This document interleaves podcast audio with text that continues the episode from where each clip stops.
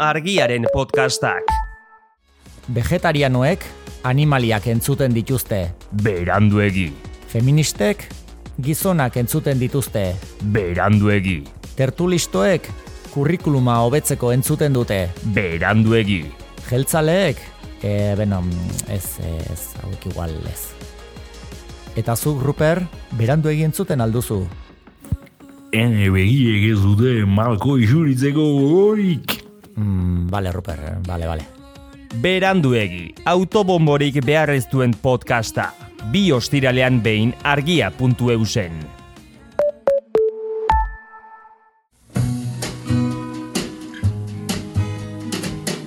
Don't know much about history.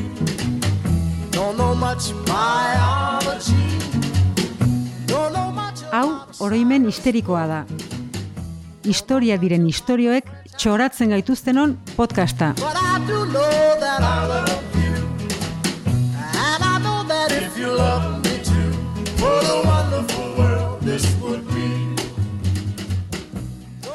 Jorroña que jorroña nagore eta e punto.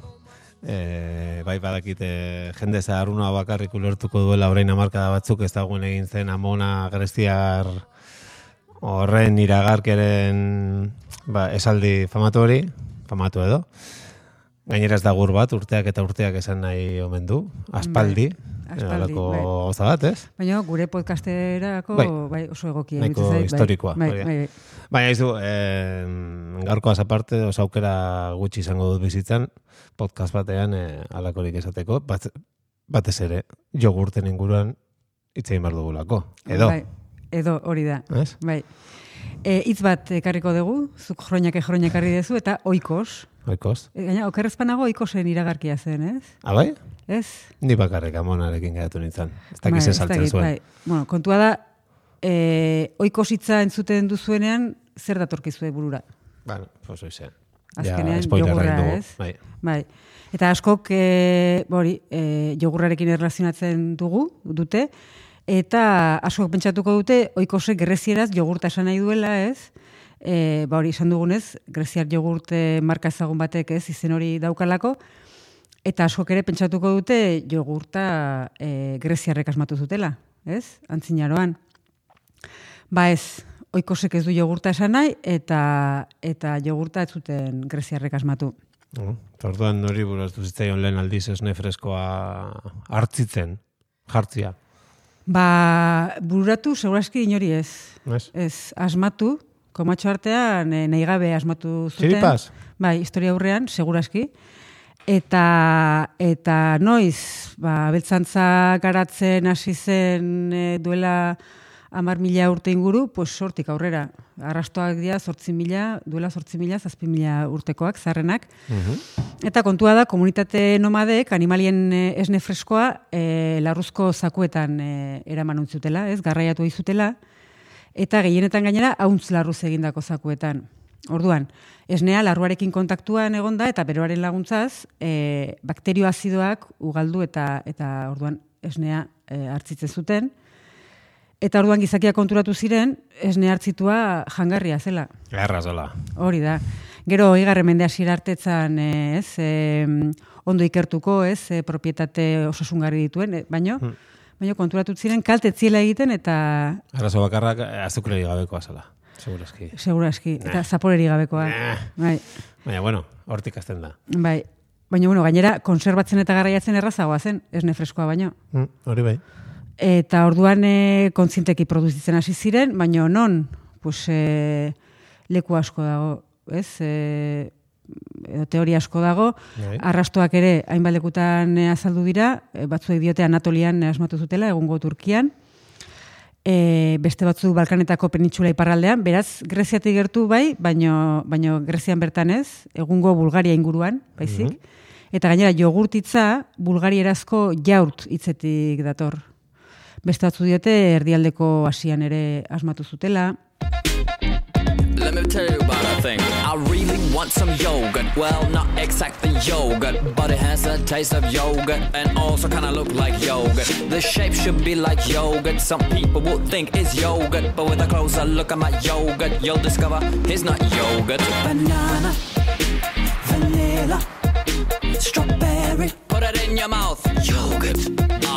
papaya. That's what I'm at, talking, guava, talking about. Chocolate in the face. Yogurt. So my car broke down, yogurt, I took the bus, yogurt, had to stand because... Bueno, yogurt, eh, oso ezaguna egin zaigu. Ez, orduan, eh, non baitetik edatuko zen. Hori da, bai, badakigu, oza, sea, ez dakigu zehazki, non sortu zen, ero zein, herri hasi zen hori produzitzen, baina badakigu erdialdeko Asiako herri batek e, bultzatu zuela, bosgarren mende inguruan, e, jogurta Europan zabaltzea. Zeintzuk? unoak, Unoak. unoak, bai. Esaidazu mesedez atilari buruz itzen behar. Bai, Aha. bai, bai, bai. Atilandia. Bueno, lehengo roa e, bere aurrekaria, ez? Bere aurrekoari buruz, ez? E, lareunda hogeita mabian, unoek, ba hori, roa erregea buruz zutela, danubi baia zeharkatu zuten, ez? Eta beraz ja Europa, ez, mendebaldean sartu ziren. Hmm. Lagunak, lagunak itera, ez? Ba, ba, pentsatu baino gehiago, eh? Bai, eh? Bai, bai. Kontua da urte batzu geroago, atila errege zutela, bost, e, larunda berrogeita maikagarren urtean, galian sartu ziren, eta handik urte betera, erromaraino ere iritsi ziren. Eta, ba hori, asiako herri nomada hau da, nolabait ere, ez, zuk, eh, esan duzun bezala edo, ondamenaren eta basakeriaren sinonimo, ez, suntxipenaren sinonimo, ez, esaten da, atilaren zaldia igarotzen zen tokietan, belarra berriro etzela, etzela azten, bai. Baino atilak ez zuen beti anker jokatu edo eta eta askotan e, zera, ez, e, diplomaziari e, trebea ere bazela erakutsi zuen eta gainera azkenean ospe hori, ez, barbaro krudela izaten ospe hori e, erregeak berak, atilak berak sustatu zuen, hain zuzen negoziazioetan, ez, konfrontazio zuzena saiesteko. Hau da, Ja. beldurra eragin, ez, e, gero azkenean, e, ba hori ez, e, konfrontazioa, gatazka eta eta suntsipena saiesteko. Ja. Azkenean, gerra psikologikoa ere baliatu zuen, ez? Bueno, barbaroa edo basatia zein da izan Europa honetan, batez ere erromatarren menpe gienean, ez? Oie fake newsak zabaltzen ere nahiko bilaz diren, eta denei ez izena jartzen ere oso onak, eta basati izan e, orduko... Bueno, haiek ez bezalakoak ez diren beste guztiak, emate du basati zirela tartean euskaldunak ere bai, ez? Hori Orduan, orduan atila eta hauek basatitan, basatienak izango ziren, agian berak nola da, apropiazio kultural, eh, nola da, eh, eh, estan nahiari buelta matea eta zeure egitea. Reapropiazioa. Hori, hori, bai. hori, hori, hori, hori. Bai, bai, kontua da gainera, su, a, suntxitu, suntxitu zuten. Bai, bai, bai, atila, bai. Baino, egia da beste gauza asko ekarri zituztela mendebaldeko Europara, ez? E, azkenian konkistatzen zituzten herrialde herrialdetatik e, erabigarria zian e, gauzak, ez? Edo iturak e, beren eginte zituzten eta gero pues lurralde berrietara joaten zirenean, pues antza batze zituzten. Hmm. Eta hori gertatu zen adibidez jogurtarekin. E, jogurta ez zuten e, unoek asmatu, e, ikusi dugun bezala, Hmm. baino unoek ezagutara zuten eta eta gainera e, jogurgile bikainak ziren. Eta esan daiteke unoek esnekiak maite zituztela. Esnekiak gogoko ditut Body milk beroa, jogurtzo gaingabetua Esnekiak gogoko ditut. Titaino zurruta, pantxineta eta gozua Irrintzilizunak nahi ditut. Kili-kili efektua, ta zezenaren esnia Maitia da nazazu berriz. Maitia jan nazazu berriz Esnekiak gogoko ditut Esnekiak gogoko ditut Esnekiak gogoko ditut Bueno, osala, badago beste beste marka baterako, ze, bueno, gaur egun uno oso ezaguna dan karta jokoa da umen artean, eta umeak ez diren artean, baina baina agian bada, bueno, uno jogurtak, Bai. atila gangabetua, E, ona izan bertzateke, bai. fruto basati dunak, eta lakoak. Bai, kontua da zergatik ziran unoak, ez, e, suntsitzaileak izateaz gain, e, jogurgile bikainak. Kontua da badakigunez, unoen kulturak oso lotura estua zeukan zaldiekin, ez, zaldia eta zalduna bat ziren, ez, unitate bakarra osatzen zuten, ez, e, eta, eta horretaz baliatu ziren jogurra e- ekoizteko. E, behiak edo, edo ardiak jetzi, esnea egosi eta zahagietan biltzen zuten. E, zahagiak forma berezia zuten eta zaldunen e, zelazpian e, jartzeko, ez? Bai. Orduan, txo- eh, Euskal Txendiaren monstrua piztu zait. Zela, zela, azpian. bai, bai. Mhm. Zaldunak, e, eseritzen diren Ah, lekua. hori da. Vale. Beraz, e, zahagi horiek geratzen ziren, e, esan dezagun, zaldunaren ipurdi azpian. Hori zehatzago, Bai. geografikoki zehatzago da. Eta, ba hori, joan etorri luzetan eta guduetan, ez? Ibili ondoren, zaldiaren eta zaldunaren berotasunaren eta zagiaren larruak lagunduta, ez? Bas, esan bezala, bakterio azidoak ugaltzen ziren, eta esnea ba, oso ondo e, hartzitzen zen. Eta, ba hori, ipurdi azpian epedutako jogurra, zuzenean zagitatik hartu hartze zuten, eta egia da, intxaur edo arbendola birrinduz lagunduta. Mhm. Ni badakate, uno jogurtentzat, e, ja, markara ba- badakagu, uno jogurtak eta leloa ere bai. A ber. E, uno jogurtak popatik hartzitzera. Balio lezake? Bai, ez dakit oso... Barkatu. oso- salgarria den edo, baina bai. Publizitaterako tartea kenduta, guazen Bai. berriro uno, uno, uno engana. Bai, bai, nik beste txar, txiste txar bat egingo dut, ez? Eta, bai, esaten da unoen zaldiek belarra berriro ezaztea eragiten zutela, baina literalki esnea e, hartzitzeko eta jogurtak ekoizteko. Ah, Hori da, Bai, balio zuten. bai. Belarra etzen azten, baina jogurtak bai. Bai. Ja, bueno, eh, a ver, greziarrak gure gizarte modernoen eta ponteokoak direnen aldetik, greziarrek, edo bueno, hori kontatu edo saldo digutenez, gre, grezian, greziar jogurta, eso zer, ez? Emango diogu aiei, ez? Greziar jogurta. Bai, denboran asko asko atzera eginez, greziar jogurta kontzeptuaren jatorria, e, e, laroikoa markadekoa, osea, ez da Ah. oso, bai. Bueno, historiara. Mila beratzen da laroikoa bazpare. bai, bai, bai. bueno, bi mila urte zer da. Bai, ze azkenean greziar jogurta esaten diogunak ere ez dauka jatorria grezian, edo ez soilik grezian. Azkenean greziar jogurta da jogurt iragazia. Hau da, jogurta iragazi egiten da, eta gatzura kentzen zaio, ez? Eta emaitza da jogurt lodiagoa, Bai, krematxoagoa, potolo-potolo. bai, Eharra. bai, eharra. Proteina gehiago duena eta azukre gutxiago. Hmm. Ze azukrea gazura eti dator. Azukre gutxiago ez pediozu botatzen, Eh, jakina. hortan, ni joan. Nik adibidez greziar jogurra jaten dut azukre duna, ja, berez dakarrena. E, Arabiarrek adibidez, e, zera, jogurt iragazi horri labna esaten diote, indian txaka da, ez? Eta azkenean munduko hainbat tokitan, ez? Dago e, jogurt iragazia egiteko tradizioa, bestea beste Grezian. Eta esan bezala, mila betzen dolaroikoa markadan, Europan eta ebetan hasi ziren, e, ez? E, jogurt iragazia merkaturatzen, modu hola zabalean, eta orduan erabaki zuten greziar jogurta e, esango ziotela. Hala, taula geratu da. Hori da. Osa, marketing kontua da. Bai, bai. Bueno, pues vale. Bueno, eta abia punto izan dugun oikos hori, Bai, orduan, bai. ze... Gure jarioan meandro luze bai, behin ondoren. Ze pintatzen du honetan guztian. E, a ber, oikos hitza bai, greziarra da. Jogurta ez, baina oikos hitza bai, eta mm, oikosek aurreratuko ezagun etxea esan nahi duela, baina neko kontzeptu ez da zabala da.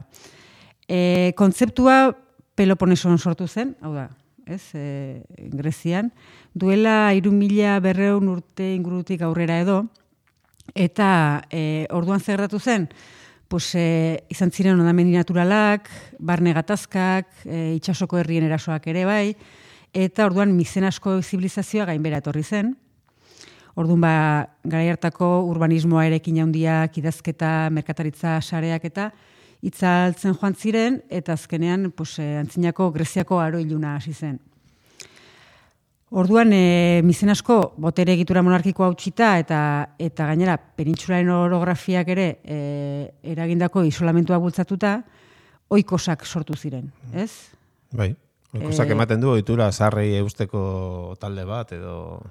Bai, ez? herriko festetan emakumea ba- baztertzeko joera duen jendea. edo. Ez kasuetan esan dugun bezala, oiko hitzak etxea esan nahi du, zentzuri zabalenean. Bai. Seguro aski emakumeak ere baztertzen zituzten oikosetan, eh? Bai. Baina, bueno. Kontua da, e, oikosek barne hartzen zuela, eraikina bera, familia, familiaren gainerako ondasunak, ganadua, lurrak, esklaboak, Bai, bai. bai. eta eta lan egiten zuten e, jorralari libreak ere bai, eh? eta orduan azkenean zan garaiko gizartearen oinarrizko entitate ekonomikoa. Eta hain zuzen, ekonomia horti dator. Oikonomia. Oikonomia, bai. Oiko setxea da eta nemein kudeatu, beraz, e, Nemein.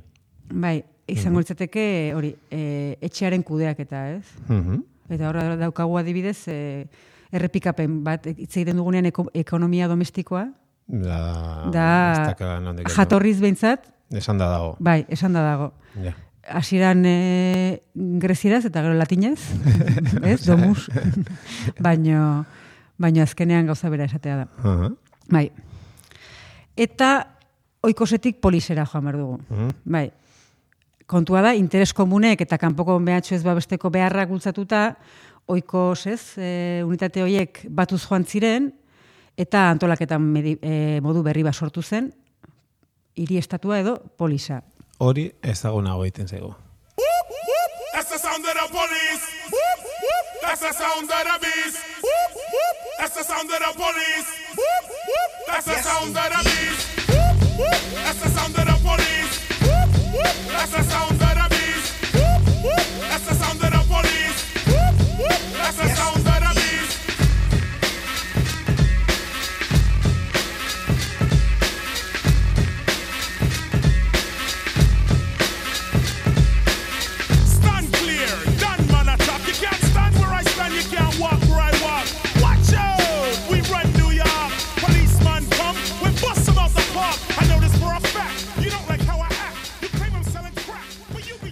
Polis horietan polisa izango tesan. Ez dakit, ez dakit. Baina, bueno, gure zibilizazioaren oinarrian, ez, e, polisak baldin badaude, polizia batzuk ere tartean ibiliko ziren. Bai, seguruna. Bo, kontua da, Aristotelesek eh, ziola, polisak pertsonen ongizaterako batutako oikosen multzoak zirela. Eta orduan aro iluna pasata, ez, e, Grezia arkaikoa politikoki, sozialki eta ekonomikoki independenteak ziren komunitate horiek, polis horiek eh, osatu zuten. Baina polisen artean leia oso gorra zen, ez? Eta hala ere, hizkuntza bera zuten, dialektoak dialekto, erlijioa eta azkenean kultura partekatzen zuten, ez? E, unitate hori denak. Claro, orduan ja polistika, polistikari, poltrona, Hori da, ez dakit Eh, ez? Ah, hori ez, agian ez, hori ez. Baino, bai, ez oiko setik ekonomia dator eta polisetik e, politikaitza. Ha. E, jatorri ziristatuekin zerikusea zuen guztia zen politika, ez? Aristotelesek, e, berriro Aristotelesa aipatuta, e, gizakia zoon politikon zela e, esaten zuen, ez? Hau da, gizakia animalia soziala zela esan nahi zuen, hiri estatu batean eta legemenpean bizi zena. Beraz, politikoa eta publikoa garai hortan sinonimoa ziren. Publikoa zen guztia, politikoa zen. Ja. Bueno, pribatuta kontzertatuen aurrean, orduan esan barko nuke, gure euskal eskola politikoa. Ezta? Ez dakit. Baina, bueno, antonimoen bila hasi zeran ez, bai? garai hortan, e, polis, oza, politikoaren eh, antonimoa, e, grezieraz, idiotes Ara. hitza zen. Horre... Bai. Eta idiotesek, antzinako grekeraz, pribatua esan nahi du.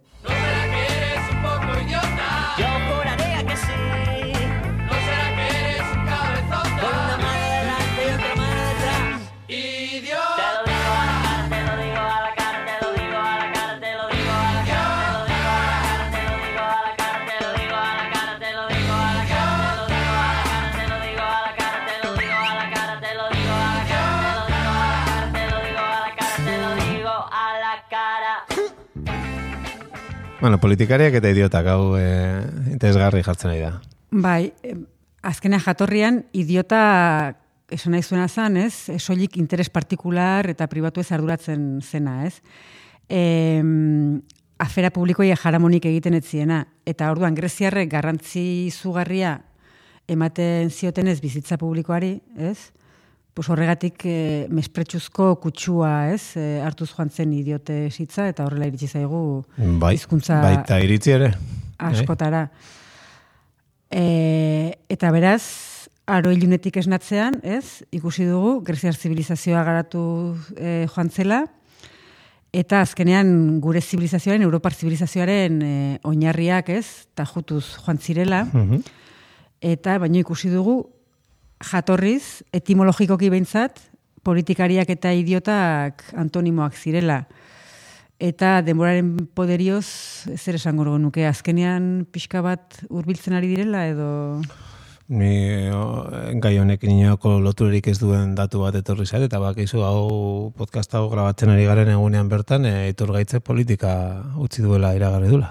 Abai, Bai? Argiaren podcasta. Gurekin harremanetan jarri nahi baduzu, ondorengo emailean aurkituko gaituzu oroimen histerikoa abildua argia.eus. Bidali zuen ekarpenak, gai proposamenak eta irainak ere bai, gustura irakurriko ditugu denak. Argia, txikitik eragiten.